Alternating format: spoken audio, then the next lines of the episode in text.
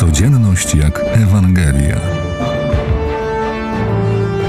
O słowie, które zmienia życie.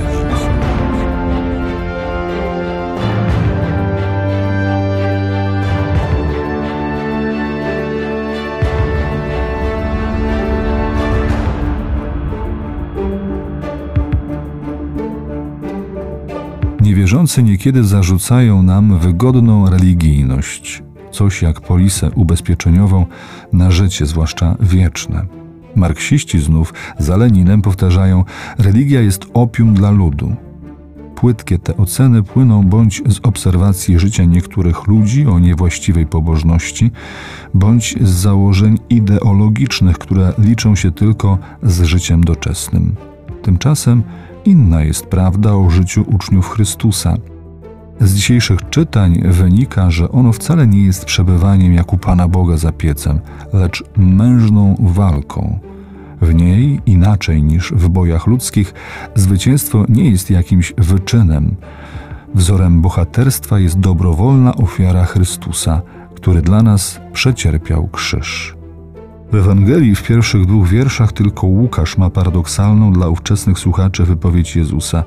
Dziś, po faktach paschalnych, lepiej ją rozumiemy.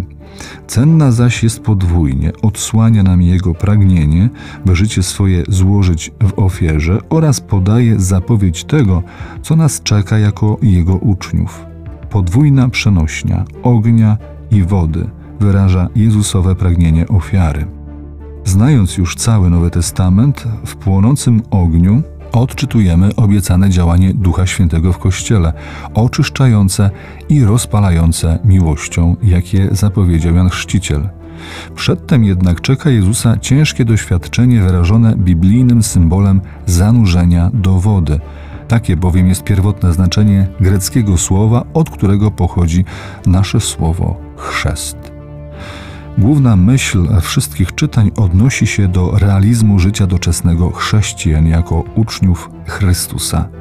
Człowiek przed wiekami, wybrany i powołany przez Boga w Chrystusie, ma tu i teraz dzielić życie ze swym odkupicielem. Stąd konsekwentny chrześcijanin musi mieć nieuniknione konflikty ze swym otoczeniem na tle różnic drogi życiowej bo Jezus Chrystus był i na zawsze pozostanie znakiem sprzeciwu, jako absolutna prawda o Bogu i o człowieku. Konkretny sprzeciw może mieć różne tło i odmienne motywacje wrogich działań, ale ostateczna racja jest właśnie ta. W znoszeniu tego sprzeciwu niezbędnym dla nas wzorem pozostanie na zawsze dobrowolnie przyjęta przez Jezusa ofiara krzyżowa, której pragnął On ożywiony miłością. To ona ma z kolei rozpalać tych, którzy się do Niego solidarnie przyznają, a to pociąga za sobą z konieczności stałe odrywanie się od samych siebie. Ofiara Chrystusa nie jest tylko wzorem dla nas, ale i mocą zwycięską.